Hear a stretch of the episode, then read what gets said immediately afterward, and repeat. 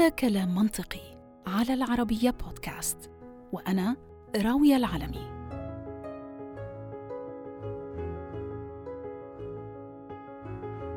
للحب لغات خمس فأيها تتكلم؟ نعم هناك خمس لغات للحب فقط وهذا بحسب الكاتب جاري تشابمان وكتابه اللي بيحمل نفس الاسم الكتاب أعزائي مش جديد هو الحقيقة تم نشره وكتابته في فترة التسعينيات وعدد لا بأس به من الناس قرأوه أو على الأقل سمعوا عنه. الكتاب بالفعل لاقى نجاح كبير لأنه بحسب إحصائيات عام 2020 بيع من هذا الكتاب حوالي 13 مليون نسخة وكمان تم ترجمته لأكثر من 50 لغة. والجميل إنه بعد نجاح هذا الكتاب أصبح للمؤلف إصدارات كثيرة متشابهة ومتنوعة المواضيع مثلا خمس لغات الحب للرجال وكذلك للأطفال وأيضا للمراهقين وهكذا. للأمانة اللي دفعني لكتابة هاي الحلقة هو مشاعري منذ سنوات لما قرأت الكتاب للمرة الأولى وأدركت وقتها شو هي لغتي وشو هي لغة زوجي للحب. وكيف ساهمت أفكار هذا الكتاب في تقريب المسافات ما بيننا كزوجين وإدراكي وقتها لأهمية فهم هاي اللغات لأي اثنين بينووا قضاء عمرهم مع بعض. ومش هيك بس وأدركت وقتها بأنه ممكن يكون هو حل للغز لطالما حيرني. فمين منا ما بيعرف هذا الصديق أو الصديقة اللي ذاب عشق لسنوات في غرام شخص ما وما أن ارتبطوا حتى انفصلوا. لطالما عجزت عن فهم هؤلاء الناس طيب أليس الحب هو أحد أعمدة العلاقات الصحية الأساسية؟ إذا لماذا يقضي شخصين سنوات وهن بذوبوا عشق في بعضهم البعض وما أن يجتمعوا معا في منزل واحد حتى بتنهار هاي العلاقة وبتنتهي بالانفصال شو اللي بيصير هون حقا؟ وحتى تزداد حيرتنا لما منسأل أي أحد فيهم عن سبب الطلاق بيرد علينا وبيقول أحببتها أو أحببته حقا وما زلت أحبه لكني عاجزة عن العيش معه أو معها. الكتاب طويل بصراحة وممكن يكون ممل في مراحل معينة. عشان هيك رح أشارككم بمختصر القسم المتعلق باللغات الخمس وشرحها بدون ما أطول عليكم.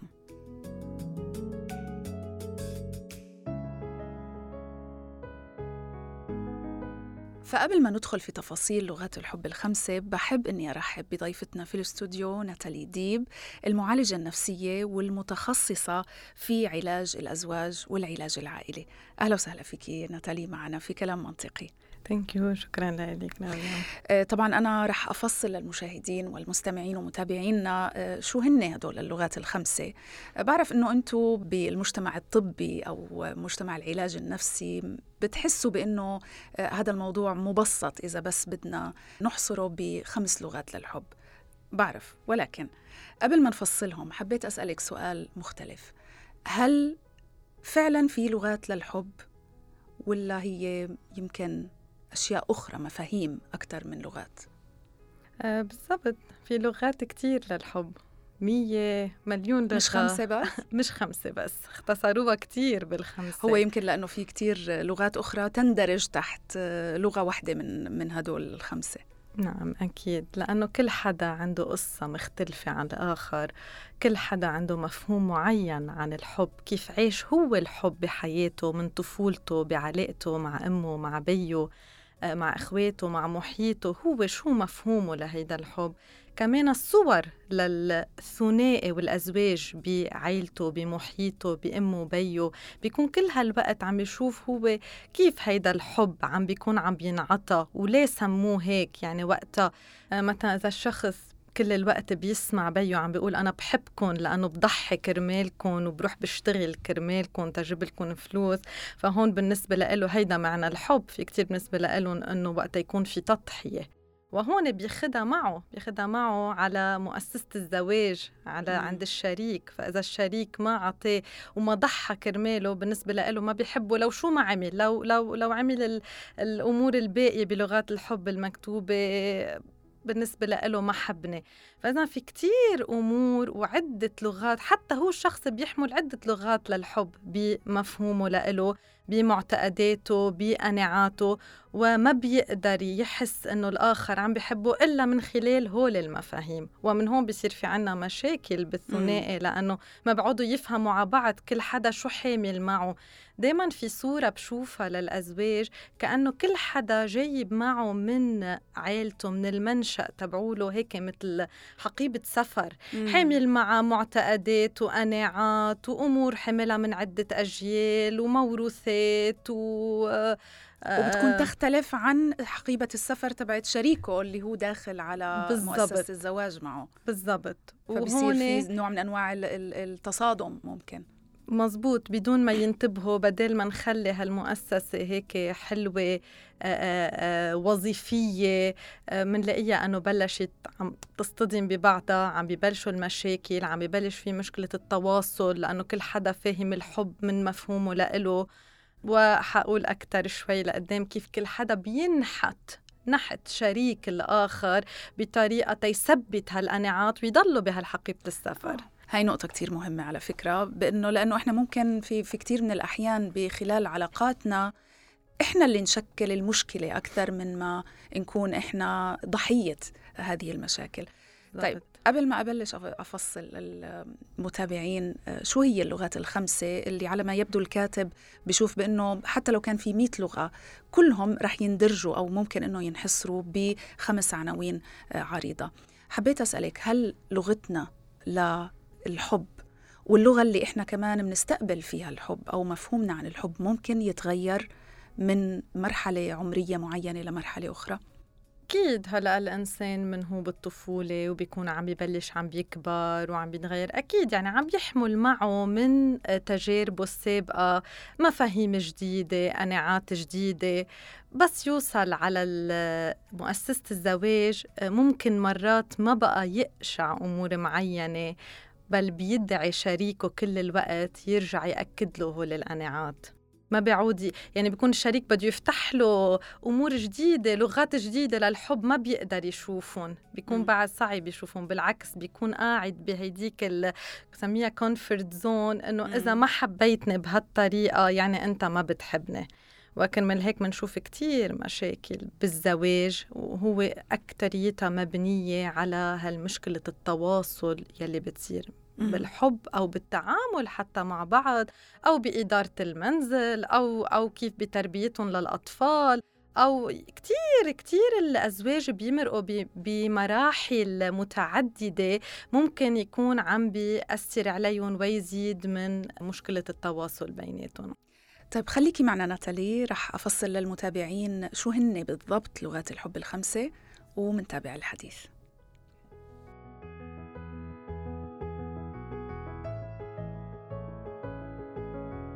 بيبدأ الكتاب بوصف للكاتب عن حوار عابر بيجري بينه وبين أحد ركاب طائرة وهم على متنها. الحوار بيجري على هذا النحو. الراكب يضع مجلته في جيب المقعد اللي أمامه وبيلتفت للكاتب وبيسأله ما هي طبيعة عملك؟ الكاتب يجيب أنا مستشار علاقات زوجية وأدير حلقات توعوية لإثراء العلاقات الزوجية. الراكب يقول رائع! لقد انتظرت طويلا لأسأل أحد المختصين هذا السؤال. السؤال هو ما الذي يحدث للحب بعد الزواج؟ الكاتب يسأل الراكب ماذا تقصد؟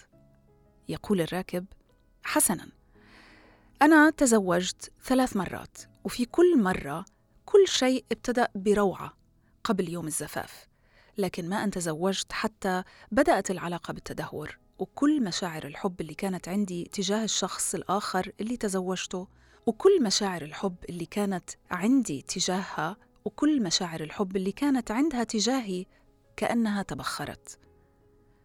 فما الذي حدث؟ ما الذي حدث؟ لا أعلم بالرغم من أني شخص ذكي نسبيا وأدير تجارة ناجحة لكني وفي كل مرة أعجز عن فهم ما يحصل الكاتب في كتابه بعد ما ذكر هاي القصة يسهب في سرد قصص عديدة ومتنوعة عايشها وتعامل معها خلال سنين عمله بعضها ممكن يختلف ثقافيا عنا كعرب ولكن أغلب هذه القصص والمشاعر المصاحبة لإلها هي عالمية وبتنطبق على الغالبية العظمى من الناس وإن اختلفت الثقافات والديانات والظروف البيئية المحيطة. في المختصر الكتاب يريد أن يوضح لنا أنه للحب خمس لغات أساسية وجميع ألوان وأساليب العشق تبوب تحت هذه اللغات الخمس. فبالتالي معرفة الإنسان للغة الحب الخاصة فيه هي من أساسيات شروط نجاح أي علاقة. لأنه إذا كنت أنا لا أعرف نفسي ولا أعرف لغة الحب اللي أحب بها وأريد أن أحب بها رح يكون من الصعب جدا أني أفهم شريكي كيف يحبني. لكن الأمور ما بتتوقف هون بل بتمتد لتعرفنا على مدى أهمية معرفة لغة الحب كمان لشركاء حياتنا. والتأكد من فهمهم للغتنا لحتى نتمكن من التواصل فيما بيننا وإيصال مشاعرنا الحقيقية في قالبها الصحيح. وكمان حتى يتمكن شريكنا هذا من إيصال مشاعره أو مشاعرها إلنا بإطار واضح ومفهوم. خلوني أبدأ باللغات بحسب ترتيبها في الكتاب.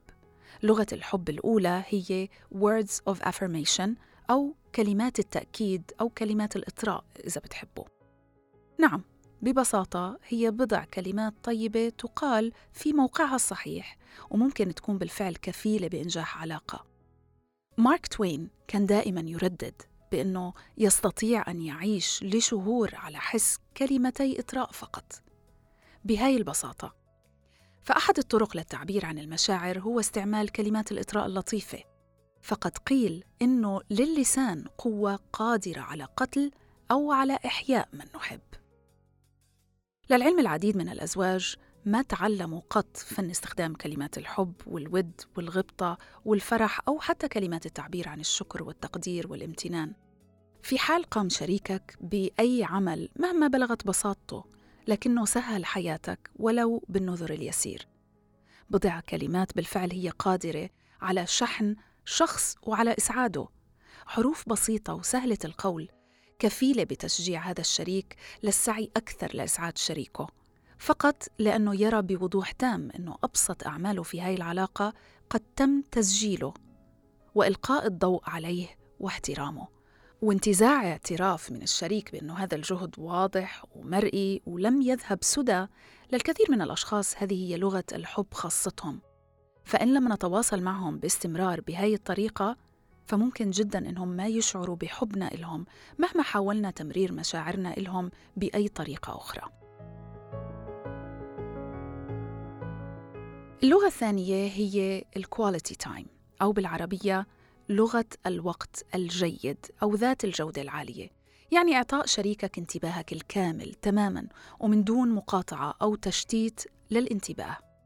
المقصود بجودة الوقت هون مثلا لا ينطبق على التمدد على الكنبة مع الشريك حتى تتفرجوا على فيلم مثلا. لا هذا وقت صحيح لكنه بلا جودة لأنه انتباهنا حقيقة هون يكون للفيلم اللي عم نشاهده وليس لشريكنا. جودة الوقت هي إنه نجلس متقابلين والتلفزيون أو اللابتوب أو الهاتف مقفلين تماما ونتحدث. الجودة بتكون في إنه نخرج للمشي مثلا سويا. دون أي أحد آخر بمن فيهم أبنائنا. فهذا وقت مخصص للشريك فقط ولا أحد غيره. أو أن نخرج لنتعشى معا في مطعم ما. أو أنه نأخذ طعامنا ونخرج للطبيعة. نحن فقط بدون وجود أي شخص آخر. للأسف الناس ما بتدرك أهمية هاي الدقائق أو بضع ساعات وقيمتها في نفس من تكون هذه ال quality time يعني هي لغته للحب. فإن كان شريكك من هؤلاء الناس ما تتعب نفسك في محاولة إثبات حبك بأي طريقة أخرى. ففي الغالب ما رح ينتبه الشريك لمحاولاتك هذه أو حتى يفهمها. اللغة الثالثة هي receiving gifts أو الهدايا. من منا لا يحبها؟ كلنا بنحبها.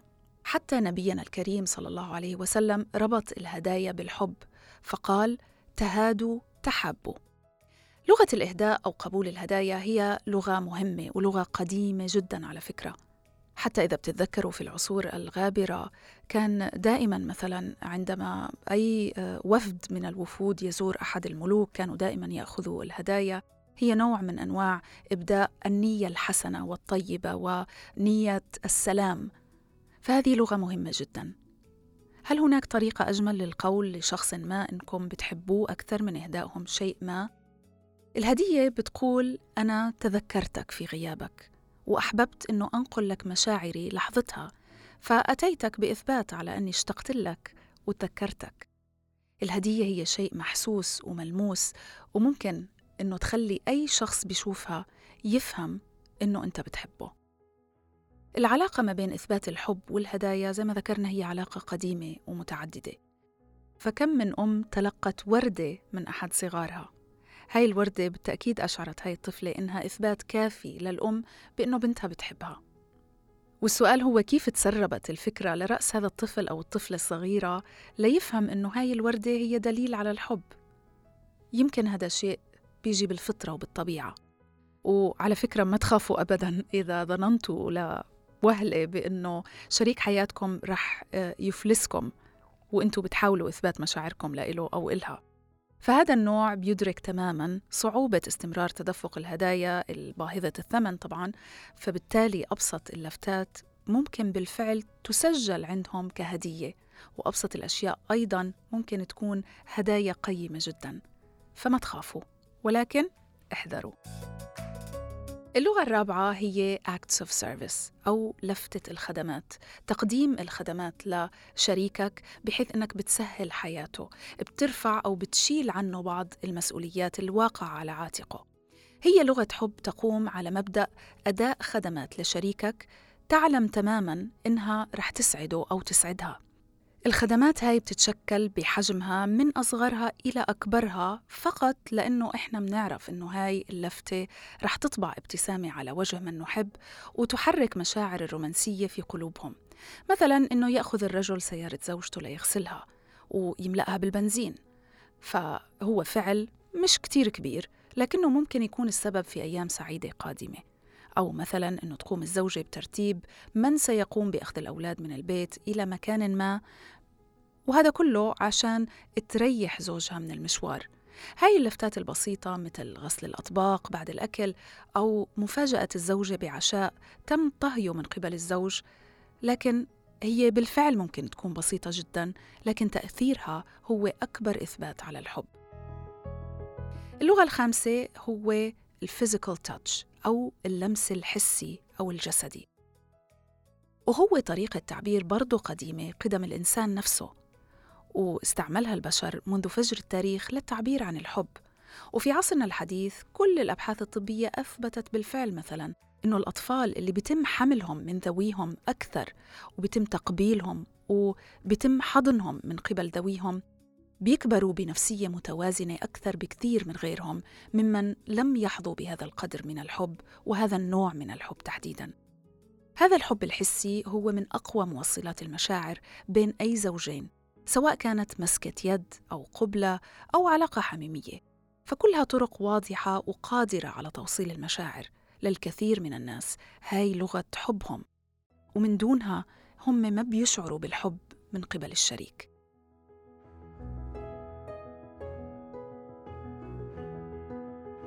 فالكاتب تشابمان بيلاقي إنه في خمس عناوين عريضة للغات الحب. زي ما ذكرتهم قبل قليل استقبال الهدايا آه، تقديم آه، خدمات لمن تحب أو يعني تسهل حياة من تحب. أيضا الحب الحسي أو الجسدي وتقضية وقت ذات جودة مع من تحب وكلمات الإطراء. هل هناك لغات أخرى يا نتالي للحب؟ ولا ممكن اي أي لغة أخرى تندرج نوعا ما تحت آه، هدول العناوين العريضة. كتير حلوين كيف سماهم وكتير مزبوطين إنه هن كتير مهمين بكل علاقة يكون عندها آه، وقت لإلهم. هالكابلز يكونوا عم بي حتى لو صار عندهم أطفال يكونوا عم بيطلعوا مع بعض. كتير مهم آه، إنه يكونوا عم بيسهلوا حياة بعض. هالأمور إيه أكيد كتير مهمة.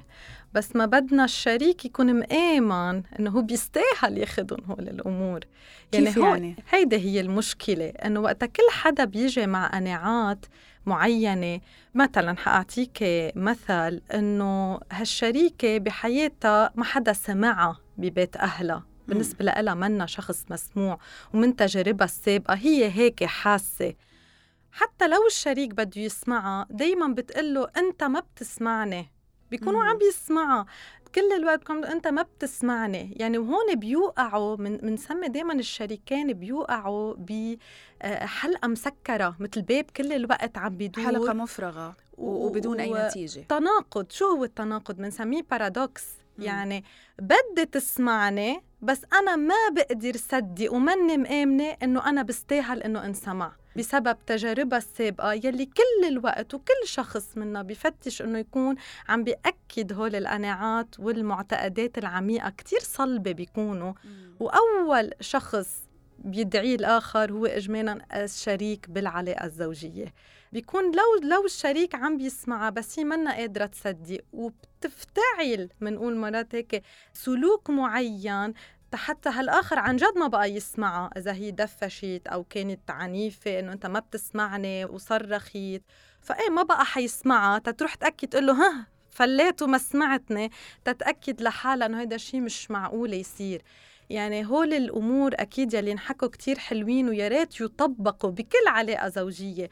بس بدنا نشوف كل حدا قد إيه يفتح أكثر ويعرف إنه هو إنه يقبل يقبل من شريكه يكون عم بي يساعده تيخلق قناعات جديدة ومعتقدات جديدة. مرات كتير هالعلاقة الزوجية بدل ما تكون علاقة علاجية لبعض بيكونوا مبسوطين وطلعوا من هالماضي اللي كان صعب ويبلشوا خليني أقول قناعات ومعتقدات جديدة مع بعض. لأ بيشدوا كتير لورا وبيصيروا بنسميها كان عم بيسمموا بعض بالعلاقة لأنه تيرجعوا يقعدوا من مطرح ما هن عيشوا تجارب كتير سابقة. هو المشكلة بتلاقي في كتير أزواج بي أو أو شركاء يعني في الحياة بيقولوا إنه أنا كتير بحب الشريك الآخر والشريك الآخر كتير بحبني بس إحنا مش قادرين نفهم على بعض.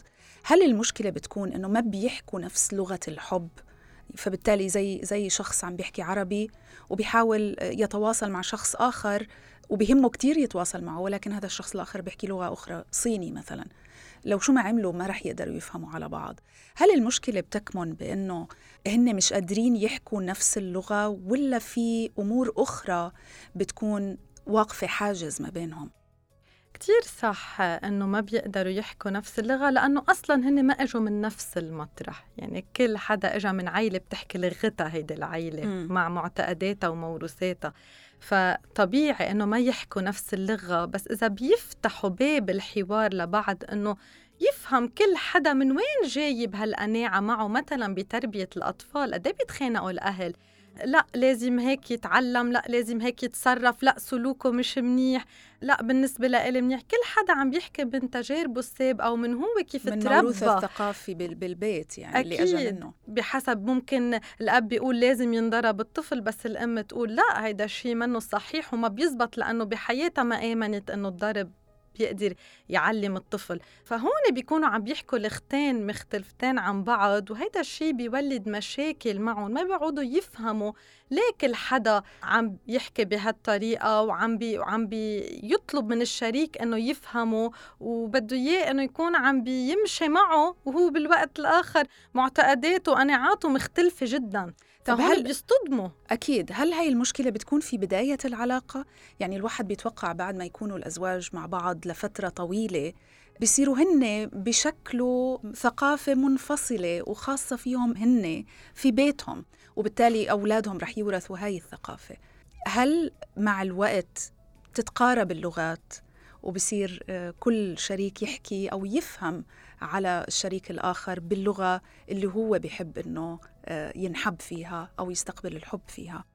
هون بنرجع لقصة كل آه، زوج لأنه في في منهم بالأول أول ما يصير في مشاكل بالنسبة لهم الطلاق هو الحل الانفصال هو الحل فما بيتركوا حالهم مجال إنه يوصلوا لا يحكوا لغة وحدة. في لقى أزواج لأنه بمعتقداتهم ما بيزبط اسمه طلاق أوفياء كتير جايين من معتقدات إنه إذا تزوجوا اثنين لازم يكملوا مثل ما أمهم وبيهم كملوا بيضحوا. يعني حسب كل قصة أزواج وكل حدا قد إيه هو آه، آه، وفي للمكان اللي إجا منه وللأمور اللي إيه مقتنع فيها. كمان في في في أكيد. ثقافة أكيد. عائلته وكل حدا أكتر ما بيتصور وفي لقناعاته ومعتقداته اللي إجا منهم كرمال. هيك مرات لدرجة إنه ممكن يخنقوه بس ما بس ما يقدر يتخلى عنهم. وبدافع عنهم باستماتة بالضبط. وهون منشوف أكترية الأزواج خصوصا بالعلاج الأزواج إنه يلي بيجوا لحتى يشتغلوا على على علاقتهم ويستثمروا أكتر. هن اللي ما بيآمنوا بقصة يكون في انفصال أو طلاق. أكتريتهم إنه بدهم يشتغلوا بدهم يستثمروا بدهم يحكوا هاللغة الوحدة. آه، في كتير عندهم قناعات إنه إحنا ما بننفصل لأنه في الأطفال. ف بدنا نحكي لغة وحدة بيرجعوا بيقربوا هاللغة مع بعض بيجربوا يفهموا بعض آه، أكتر شيء من هيك من منشوف أنه ما بيعودوا يأكدوا قناعات بعض وقتها بيفهموا قصة كل شريك يعني وقت الشريك بيقول أنا معانا كل حياتي حامل مسؤولية بيتي وعائلتي و- و- وبحياتي ما اتكلت على حدا لأن ما حدا. ساعدني بتفهم هون ساعتها الشريكة قد إيه مهم إنه هي تكون عم بتساعد إنه هو وقتها بيقول لها أنا ما حدا بيساعدني مش لأن هي ما عم بتساعده بس هالقد هو هي نقطة حساسة عنده ومتأثر فيها. وقتها بتفهم الأمور يلي عاشها هيدي من من من, من أوائل الأمور العلاجية للثنائي إنه بتبلش تخفف شوي. ساعتها إذا الشريك دعاها لشريكته إنه ما حدا بيهتم فيني ما بتفوت بقى باللعبة بتقول له بس أنا هون وكمان بهتم. فيك وأنا ما. عم خليك إنه هيك بيكون الماضي. ممكن تفهم إنه لغة الحب بالنسبة له هي تقديم الخدمات فهي لازم تساعده وتسهل حياته لأنه صح. هيك هو بيفهم إنه هي بتحبه. وبتذكروا إنها موجودة لأنه مرات في استعداد الشركاء إنه يكونوا عم بيدفشوا ببعض تم إنه ما بيكونوا عم بيصدقوا إنه هيدا الشيء حيحصل. ما يكونوا عم بيصدقوا إنه حدا حيحمل معهم مسؤولية ما فيهم هالقد قناعاتهم عميقة بسبب التجارب السابقة. مم. فوقتها بتقول له أنا ما رح فوت بلعبتك هون بنبلش إنه ما نعمل تصادم ومشاكل وانفعالات يلي بت بتوصل لأمور كثيره مرات بجرحوا بعض ال couples بالكلام وهيك. فبدل ما تتصاعد الأمور بتقول له أنا ما حفوت باللعبة معك أنت. ما عم توجه لي لإلي الكلام لأن أنا حدك وأنا موجودة وأنا بساعد تتلاشى. وأنا بقدم خدمات صح وأنا-. وتذكروا بالأمور يلي هي عم بتقدمها لإله بتتلاشى كتير وقتها وهون بلشوا نفتح باب للحوار لأنه إذا ما بقى عم بتأكد له قناعاته وعم تقول له أنا حدك وأنا ريسبونسبل وأنا بساعدك هو تلقائيا إذا هي ما كانت تنسمع ببيتها هو. حيبلش يسمعها وحيتقرب لأنه هي ريحته ما بقى عم بتطلع له شعور ما بقى عم توجعه أو مم. بالمكان اللي كان. موجوع منه. هذا بذكرني كمان يمكن في بعض الأشخاص اللي كبروا ببيت مثلا ما كان كتير في كلمات إطراء لإلهم من قبل أهلهم وتشجيع بالكلمات يمكن بيكبروا وهذا الشيء بيصير على مستوى اللاوعي بتصير لغة الحب لإلهم يعني بيشعروا إنه هن محبوبين إذا حدا بعطيهم كومبلمنت أو بعطيهم كلمات إطراء أو أو كلمات تشجيع صح وبدنا يصدقوا إنه بيستاهلون هيدي المشكلة. بدنا نصدق إنه كل ما حدا يعطيه إنه هو عن جد بيستاهل هيدا الشيء هذه نقطة كتير مهمة لأنه الواحد بيكون الإنسان دائما بيطالب بما يفتقده. يمكن هو ما بيكون واعي لأنه هو أصلا مش مصدق أنه هو يستاهل آه، صح. بيستاهل آه، هذا الشيء اللي هو عم بيطالب فيه. هو بيطالب فيه ولكن هو بيمنع الآخرين من أنه آه، يقدموا له هذا الشيء اللي هو بحاجته. لحتى ما يوقع بخيبة أمل. يعني وقتها بتتأزم العلاقة بين الزوجين بصيروا دغري بيقولوا مش حيمشي الحال. لا لا أكيد أكيد أكيد أنا ما فيني أكمل معك وما فيني أكمل معك وخلص.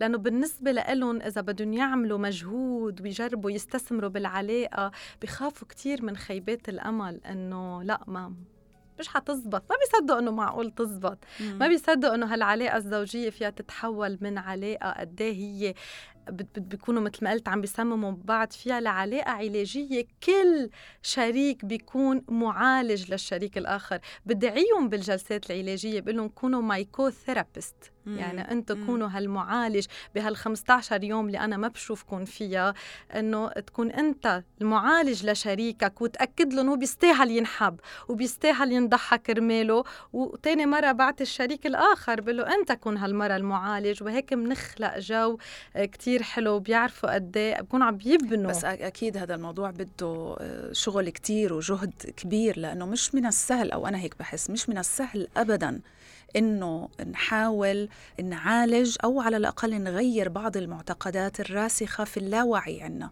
صح. اللي ورثناها من لنا سنين حاملينها معنا بشنطة السفر اللي حكيتي عنها مزبوط. مش سهل ابدا إنه نطلعها من مستوى اللاوعي لمستوى الوعي ونتعامل معها ونقدر إنه نغيرها كيف ممكن هذا الكلام يصير كتير أجمل بيصير وقتها بنكون بالعلاج الأزواج يعني بيكونوا مع بعض عم بيسمعوا قدام بعض الأمور يلي هن مرقوا فيها بصير يوعى الشريك الآخر آه ما كنت عارف إنه أنا وقتها بتصل لها وبقول لها وينك يعني أنا إنه هي أختها كأني عم بسيطر عليها مثل ما بيا كان عم بيسيطر عليها. ما بيكون هالقد عامل لينك لهيدا الموضوع فوقتها بنفتح هالحوار وبلشوا يحكوا قدام بعض. إنه أنا عشتها إنك كأنك سلطوي علي وسيطرت عليه وبقول له أنا بس عم بسأل عنك بس أنا كنت عم بسأل عنك ما بدي شيء تاني. بس قدام قدام منحور الحديث ومنحوله لطريقة إنه يرجع يخدم المكان اللي نحن جينا منه. ويأكد المعتقدات اللي إحنا حاملينها حتى باللاوعي. صح. واللي إحنا ممكن مش واعيين لها أصلا.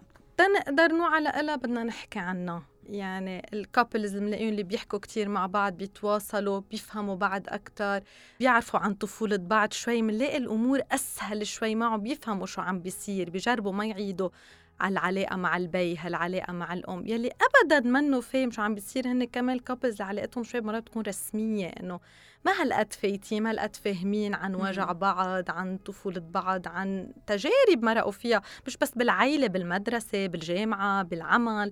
فوقتها بنفتح هذا باب الحوار كتير بخليهم يفهموا بعض أكتر. الشريك بيفهم معتقداته وشو حاس والشريك الآخر بيفهم الوجع اللي سبب له لشريكه بدون ما يقصد. وكيف ببلشوا يمتنعوا عن هذا الموضوع. طيب عودة للغات الحب الخمسة. بحس كأنه في صور نمطية بمجتمعاتنا سواء عربية أو حتى أي مجتمعات تانية عن ماذا تحب المرأة وماذا يحب الرجل. فدائما في افتراض بأنه لغة الحب عند النساء هي كيف بتحس إنه هي بالفعل هذا الشريك يحبها إذا يعني بغرقها بالهدايا. والرجل إذا هو سعيد في العلاقة الحميمية أو العلاقات العلاقة الحسية الجسدية. قد إيه ممكن هاي النظرة النمطية فعلا تخرب وتمنع أزواج كتير من إنه يفهموا بعض ويتواصلوا مع بعض بالشكل الصحيح ويفهموا لغة الحب عند الشخص الآخر؟ أه برجع بقول إنه كل زوج عنده قصة لإله. يعني في كتير أه شريكة فيها تقول أنا ما بدي هدايا وما بيهمني بس بيهمني إذا بيجي أبكر شوي على البيت وبيهتم معي بالولاد. هي بالنسبة لها الحب. أكثر من 100 هدية تقديم برضه خدمات. وهون بنرجع لتقديم الخدمات. أنا صرت أنا. لا شعوريا أصنف كل مشكلة بأنه آه هاي لغة الحب عندها كذا. لأنه مم. أنا الحقيقة يعني بحب أحكي للمتابعين. أنا انصدمت لما قرأت الكتاب لأنه أنا فكرت أنه أنا لغة الحب عندي شيء وبعد ما اللي طبعا فيهن أسئلة ولما تفكري بالموضوع وتدخلي آه، إلى داخلك أكثر وتصيري بتصيري تعرفي فعلا أنا لا يعني هذا الشيء ما كان يحسسني إنه أنا محبوبة بينما هذا الشيء كان يحسسني. فاكتشفت إنه لغة الحب عندي شيء مختلف تماما عن ما كنت أظن ونفس الشيء زوجي. نعم. كنت عم تحكي كتير مهم عن اللغة عن لغة الحب الجسدية. قد إيه هي مهمة. وأنا بشوفها كمان لأنه هون بيقدموا حب لبعض فيها. بس كمان بشوفها نتيجة يعني وقت يكونوا مع بعض ال couples وبعلاقة دايمة بنشوف في connection بيناتهم بخبرنا هيدي العلاقة وقت يكونوا سوا عم بيقدموا حب إنه هن متفاهمين. ومنلاقي أول ما يصير في صدام مع بعض منلاقي هيدا التباعد الجسدي دغري وجد يعني هي كمان كمان شوي نتيجة لأمور يعني الحب الجسدي هو مرآة لوضع العلاقة فعليا على الصعيد النفسي. نعم نعم. في معتقدات مرات إنه حتى نصلح العلاقة أفضل شيء بالعلاقة الحميمية بتتصلح. آه، بس هيدا شوي معتقد خاطئ. يعني مزبوط بينعطى حب للآخر بس بعدين وقت يرجعوا لمشاكلهم والأمور بنرجع بنشوف تعرقلت عن جديد. يعني مثل بالضبط مثل ما سميتيها مرآة للأمور يلي هن بيكونوا عم بيعيشوها. هل يمكن يكون للإنسان أكثر من لغة حب؟ يعني مثلا آه أنا بحب الهدايا ولكن بحب شيء آخر أيضا. يعني أكثر من شيء يحسسني. إنه أنا محبوبة. أكيد أكيد. في كل إنسان يكون عنده كتير لغات للحب بس بده يشاركها مع شريكه بده يخبره هو شو بيحب بده معلش إنه الواحد يطلب من شريكه بشكل مباشر حبني بهاي الطريقة لأنه في كتير ناس بحسوا إنه لا أنت أنت يعني مش مفروض تطلب مني أحبك بطريقة معينة. لازم تتقبل الطريقة اللي أنا بحب فيها. كتير بيساعد وقت إذا انطلب من الشريك الآخر ينحب بهالطريقة بس يقول له كمان لشريكه وأنت كيف بتحب إنه تنحب كمان؟ ما فينا نطلبها وان واي يعني. إيه لازم لأنه أكيد كتير بتريح وقتها بيقول الشريك أنا بحس إنك بتحبني بالهدايا. والشريك الآخر بيقول أنا بحس بتحبني وقتها. بنطلع مع بعض هال quality time مش بس بالأمور المادية. فبقول له أنا بقدم لك هيك مرة وأنت مرة فمن هون نكون عم ندخل بهالتناسق مع بعض وهالحوار إنه كل حدا عم يعطي للتاني. مش غلط يقوله مش غلط. هيدا أجمل شيء وقت بيفهموا مع بعض. بما نحن نحب وبما أكيد. نحتاج أيضا. ليه لا؟ ما في شيء بيمنع. بس كتير حلو دايما بقوله للأزواج بقول لهم كيف بتقدروا؟ يعني وقتها هالشريك ما بيحب يروح على السينما ابدا بس عمل مجهود كرمال شريكته. مم. أنت اليوم كيف تعملي ابريشيشن كيف بدك تقدري إنه تقولي شكرا؟ وأنت كمان يا الشريك الآخر كيف بدك تقول شكرا على المجهود يلي شريكتك عم تعمله؟ وبهالطريقة بيكونوا عم بيثبتوا قناعات جديدة وعم بيحفزوا الشريك إنه يرجع يعيدها. إذا قال شكرا وكان الأمور جيدة جدا معه بقول هو إذا روحت سينما هالقد فتحت لنا مجالكم مرتاحين. بروح مرة تانية سينما ثالثة ورابعة شو مش حتفرق يعني. مزبوط فكتير حلو وقتها عن جد هالمؤسسة الزواج بت بتكون مريحة بيكون عن جد عم بيريحوا بعض هالكابلز مش عم بيدفشوا ببعض هي يعني من واقع خبرتي أنا وأنا مش طبيبة ولا خبيرة يعني ولكن خبرتي العملية في عالم آه، أو مؤسسة الزواج لعقود أعتقد هو التواصل التواصل مم. المفتوح اللي غير مشروط لا يتبعه عقاب أو يتبعه نوع من أنواع الحكم آه، هو أهم شيء التواصل أكيد. اللي بدون أي شروط هذا أهم شيء قبل ما ننهي ناتالي حابة أسألك سؤالين الحقيقة يعني بفكر فيهم دائما. لما بتفرج أو بتطلع حوالي على كل العلاقات اللي بعرفها أو حتى يعني ناس ما بعرفهم بداية عم بحس بأنه آه، العلاقات صارت كتير أصعب. إنه نبقيها على قيد الحياة ونبقيها بشكل صحي. العلاقات ما بين الأزواج أو الشركاء. ليش هيك صارت أصعب بكتير؟ في هذا الزمن اللي إحنا فيه عما كانت سابقا. ما فينا ننكر إنه طبيعة الحياة أصعب شوي هلأ مع العمل مع إنه اكثريه النساء كمان هلأ بيشتغلوا. ف هيدا الشيء شوي عم بيزيد من الأمور. إذا اليوم ال ال ال الزوج والزوجة اثنيناتهم بيشتغلوا وبيجوا من عشية على البيت أي حوار بده يصير أي تعبانين طاقة و... عندهم إنه يكونوا أصلا عم بيحاوروا مع بعض أو يطلعوا مع بعض أو خصوصا كمان إذا في أطفال بيناتهم إنه الأمور الحياة صارت أصعب صارت أسرع مع التكنولوجيا مع أنه بدها تتلحق كل الأمور فما عاد في دور كتير كبير الزوجين مع بعض. وهيدا وهيدا من الأمور يلي عم تسبب نرجع للتواصل. إذا هن ما التقوا اذا إذا ما التقوا غير بال weekend إذا التقوا مع مم. مع العائله كلها وما خصصوا لحالهم وقت. كيف بدهم يقدروا يفتحوا كل هول المواضيع ويقولوا عن الأمور اللي بتزعجهم والأمور عن يقولوا عن الأشياء يلي بحبوها؟ يعني هيدي الوقت بشكل عائق كبير يمكن. آه نعم هيدا أكيد من الأمور. وأكيد مثل ما قلت إنه في أشخاص بيحبوا يشتغلوا على العلاقة وبالنسبه لأنه اختاروا هالشريك بدهم يكملوا معهم لو شو ما صار. بنلاقي في مجهود منهم وفي آخرين بحسب ممكن صور الأهل بالعيلة أو آه انفصال معين. بنلاقي إنه دغري بيختاروا أسرع طريق لتوقيف العلاقة يعني. والسؤال الآخر الحقيقة كل شخص شخص قلت له لما سألني شو حلقة البودكاست الجاي في السيزون الجديد قلت لهم أول حلقة هي عن لغات الحب الخمسة طلبوا مني أسأل نفس السؤال. شو بيصير بالحب بعد الزواج يا ناتالي؟ شكله الكل عم بيعاني. بيدخل على الزواج بتوقعات عالية جدا ورومانسية عالية جدا وبعدين بينصدموا بالحقيقة. إنه أنا يعني بأبسط شيء فيني جاوب. إذا ما دفشوا بعض وقرروا يقعدوا هن بالمكان اللي إجوا منه بهالماضي. مش مش حيفتحوا مجال لعلاقتهم مع الشريك إنه يكونوا مرتاحين فيها. يعني وأكيد كمان إذا ما استثمروا بالعلاقة إيه بمحل هالحب بده يضعف وبده يموت. آه آه بدي أقول للأزواج إنه ما يخافوا. يعني ما حدا في فوق راسه خيمة. آه، ممكن يقطعوا بأمور مادية ممكن يقطعوا بأزمة آه، معينة آه، خاصة بالأطفال. ممكن مرات وقت يصيروا الأطفال بسن المراهقة بنلاقي نرجع الأزواج مرقوا بأزمة حدا منهم عاطل عن العمل. يعني هل الحياة الحياة رح تحط لنا تحديات كبيرة يعني. صح.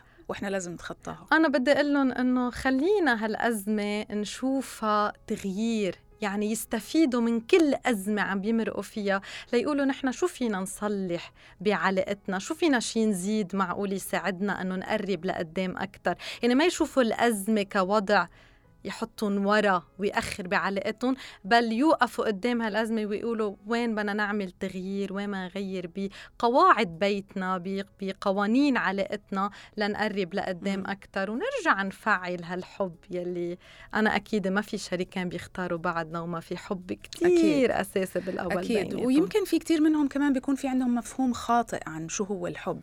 بيفكروا بأنه آه، هذا مشاعر ضربات القلب المتسارعة السارعة وال زي ما بقولوا بالإنجليزي butterflies in the stomach اللي كأنه في فراشات في بطني لما بشوف الشخص اللي بحبه في بداية العلاقة إنه هذا هو الحب. هذا نوع من أنواع الحب. هو يعني أنا عملت حلقة عن الموضوع. آه، هو أكثر كيماويات يفرزها الدماغ بهاي المرحلة. آه، ولكن في أنواع ومراحل أخرى كمان للحب اللي هي بتتطور مع الوقت. أكيد. لما الواحد بيعيش مع مع شريكه فالحب بياخذ آه، صور متعددة. ما بعرف إذا كنت صح. أنا أنا هيك بحس يعني. كثير حلو. ويا ريت ما يموتوا. يعني هال هال هال symptoms سميتيهم الضربات القلب يا ريت إنه ما يموتون وما يخنقون إن كان بالحياة اليومية أو إن كان بهال سوء التفاهم والتواصل يلي بيصير بيناتهم. بيرجعوا بيعيشوا بيعيشوا أكيد. شكرا كثير لك ناتالي على وجودك معنا في كلام منطقي وإن شاء الله أكيد رح يكون لنا لقاءات آه، قادمة في موضوعات تخص العلاج النفسي خصوصا للأزواج وللعائلة. شكرا. شكرا لك في ختام حلقتنا من الضروري جدا إنه يبدأ كل شخص منا بالتعرف على لغة الحب الخاصة فيه اللغة اللي هو بحب إنه ينحب فيها. وبنفس الأهمية بيجي التعرف على لغة أزواجنا وزوجاتنا. لأنه حينها فقط منقدر نتجنب مشاكل وأهوال العلاقات الزوجية اللي حولنا في كل مكان. أيضاً ممكن يصدف أحياناً وبحسب الكاتب إنه بيوقع أحدنا ما بين لغتين يعني بيكون في عنده لغة أساسية ولغة ثانوية. وهون بصر الكاتب تشابمان إنه بالرغم من هاي الاحتمالية إلا أنه دائما ما تكون هناك لغة طاغية رئيسية واللغة الأخرى بتكون ثانوية. لكن من الضروري أنه ندرك أنه بما أننا مننتمي للغة من هذه اللغات الخمس فإحنا غريزيا رح نتوقع أنه رح يتم حبنا سنحب بلغتنا. وهذا ليس بالضرورة أبدا أن يحصل. والأسوأ من هيك إننا إحنا سنحب أزواجنا بلغتنا أيضا وهون توقع المصائب. فإذا ما أخذنا منظور هذا الكتاب في الحسبان فكم علاقة انتهت برغم الحب الموجود ما بين الشريكين؟ فقط لأنه كل منهم لم يدرك أنه للحب لغات ولكل منا لغة خاصة فيه. في النهاية وقبل ما أنهي هاي الحلقة بود أني أنوه أنه مع نهاية كل فصل من فصول الكتاب هناك مجموعة من الأسئلة ممكن تساعدكم على تحديد لغتكم في الحب. واللي طبعا لم يتمكنوا من قراءة الكتاب أو إنهم يحصلوا عليه. فعلى الإنترنت هناك أيضا مجموعة أسئلة تحت عنوان The Five Love Languages كويز ممكن تساعدكم على تحديد لغة الحب الخاصة فيكم وكمان لغة الحب الخاصة بشريككم. أنا راوية العلمي وهذا كلام منطقي على العربية بودكاست. أشكركم ودمتم دائما بأمان. بإذن الله.